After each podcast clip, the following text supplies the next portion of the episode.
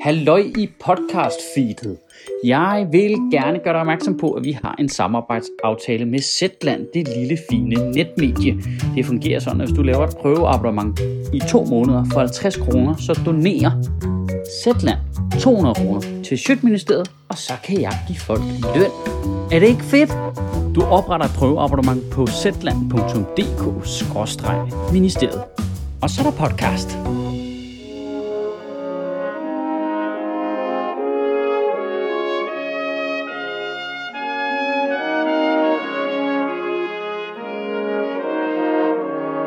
Ved du, jeg bør nok starte med at sige, at vi kommer ikke til at snakke om de radikale. Altså, jeg er med på, at den tale, jeg lavede sidste uge, allerede er vanvittigt outdated, fordi de kører bare i et gear, hvor ingen kan følge med. Vi, vi skal nok vende tilbage til det senere, når der er faldet ro på om 6-8 måneder. Hold kæft, der er gang i den, var. Det virker som om det eneste, de radikale ikke har stukket fingre i, det er jorden. Goddag. I Danmark, der startede vi for 20 år siden cirka med at gå ned ad en politisk sti, hvor vi accepterede, at politikerne omtalte bestemte minoriteter i vores samfund, som om de ikke var øh, ligeværdige borgere med os andre. Det er en sti, som ender i en øh, 100% politisk blindgyde, fordi nede i det hul der, der finder du ikke nogen løsninger. Og øh, lige nu står vores statsminister Mette Frederiksen nede i det hul, bare graver videre og videre.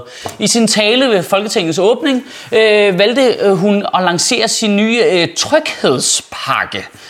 Jamen altså, det er simpelthen så fucking hack med det tryghed der. Altså, på, på trods af, at danskere aldrig har været mere trygge. Altså, Københavns Kommunes tryghedsmåling fra 2020 viser, at københavnere har aldrig været mere trygge end lige nu. Og alligevel så er det det eneste politikere fra begge fløje kan komme på, når de får magten, altså.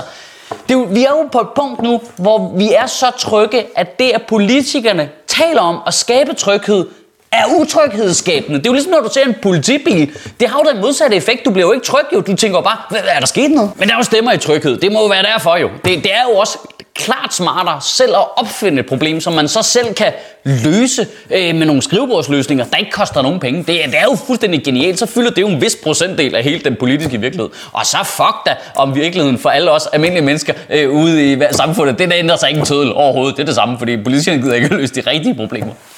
Så Mette Frederiksen, hun smed fløjelshandskerne i åbningstalen. Ikke? Hun slog en pæl gennem myten om, at 99% af indvandrere opfører sig ordentligt. Det er en myte, mand. Og det, det vil jeg lige sige, det er hun faktisk ret i. Ifølge Danmarks Statistik, så er det 98,6%. Så de 99% det er en fucking myte, ikke? Det er selvfølgelig øh, afgjort af, hvordan man skærer statistikken. Her valgte jeg at kigge på voldskriminalitet for den mest voldelige gruppe.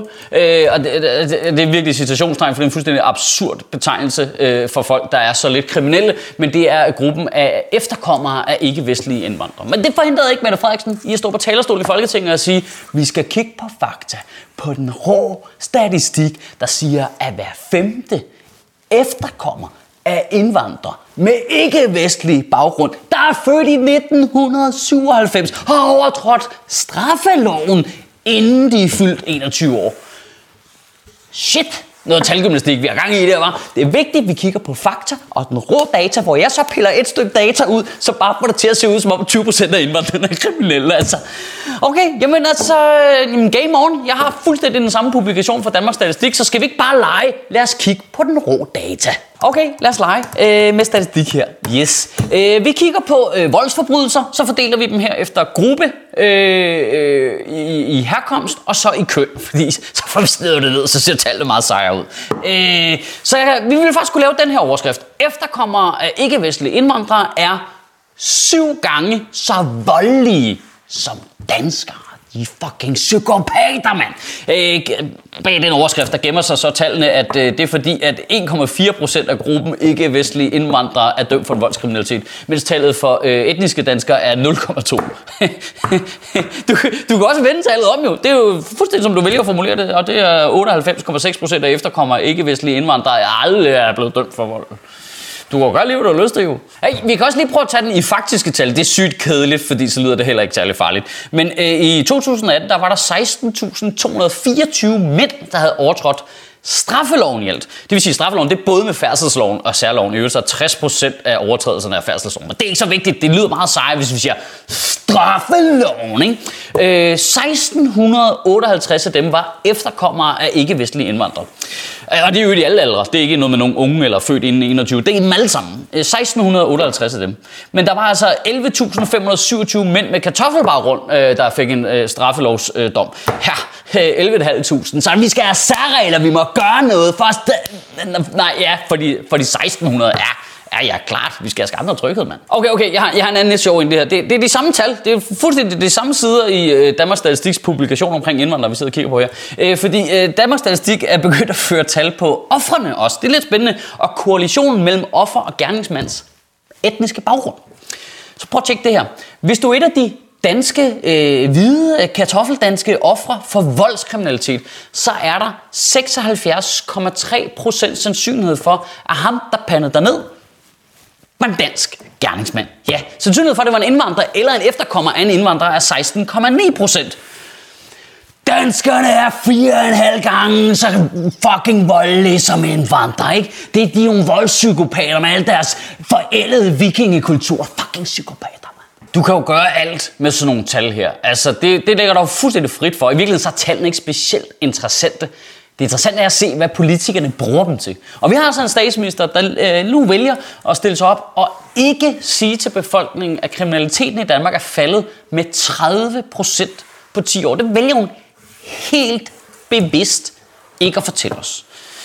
Men Michael, synes du så bare, at unge med indvandrerbaggrund bare rundt bare skal have lov til at smadre folk, eller hvad? Nej, det er jo ikke nogen, der synes jo for helvede. Vi ved jo alle sammen, hvad det er, hun snakker om. Vi, vi har alle sammen mødt de samme fucking belastende, snotprovokerende, halvpsykopatiske danske unge, der er fuldstændig utilpasset og opfører sig som kæmpe spader. Men det er jo lige meget, hvilken hudfarve de har. De er jo stadigvæk danske. Det er det, man får det til at lyde som om, det er nogen andres problem. Det er altså, for helvede. Prøv, når Mette Frederiksen bevidst ignorerer, at 11.500 kartoffeldanskere har pandet nogen ned, så får det til at lyde som om, at vold lavet af hvide mennesker, det er, sådan, at det er lidt hyggeligt. Det er slet ikke utryghedsskabende overhovedet. Det, nej, det ved man sgu, hvad er, ikke, når du bliver pandet ved, ned af en hvid knytnæve, ikke? Kapow, du, ikke? Det er bare så hyggeligt at få sparket tænderne ud af folk, der har kroks på. Ej, ej, ej, ej, vi lige have en statistik til. Øh, nu kommer der rammeskrig i kommentarsporet, er I klar? Øh, på tværs af alder og etnicitet, så er mænd langt mere kriminelle end kvinder. Altså langt. Vi har i Danmark en kønsfordeling på cirka 50-50, og alligevel var der i 2018 112.883 mænd, der overtrådte straffeloven, men kun 31.568 kvinder. Mænd er fire gange så kriminelle som kvinder, mand. Ej, men Michael, det kan man ikke bare sige. Mænd har også lavere socioøkonomisk status, og de er mere arbejdsløse, og det. Nå, nå, nå, okay, spændende. Spændende tilgang til det. Jeg troede, vi skulle kigge øh, på de rå data. Der opstår generelt et fuldstændig vidunderligt stykke kviksand, hvis du prøver at omtale øh, mænd generelt, som vi omtaler indvandrere, efterkommere indvandrere, og, og omvendt i øvrigt også. Altså, det, det er fuldstændig underligt. Hej, men Michael, øh, indvandrere er overrepræsenteret i kriminalstatistikken, også selvom du tager højde for socioøkonomiske forhold. Det er de. Det er rigtigt. Altså, det, det er fuldstændig rigtigt. Altså, det er marginalt, men det er fuldstændig korrekt. Og det samme gør sig gældende for mænd. Altså hovedparten af al kriminalitet i Danmark bliver lavet af de blegeste mænd øh, overhovedet. Altså, øh, altså, øh, og det er ikke engang marginalt, det er med uendelige længder. Vi skal gøre op med fordommen om, at det er de 99 procent, der opfører sig ordentligt, ikke? Og du kan jo lave det øh, med omvendt foretegn også. Nej, men not all men. Du kan da ikke bare omtale alle mænd som seksuelle forbrydere, bare fordi nogle af det langt de fleste mænd, de opfører sig faktisk korrekt. Ja, det gør de, præcis. Du virker totalt til at forstå øh, hele pointen. Du.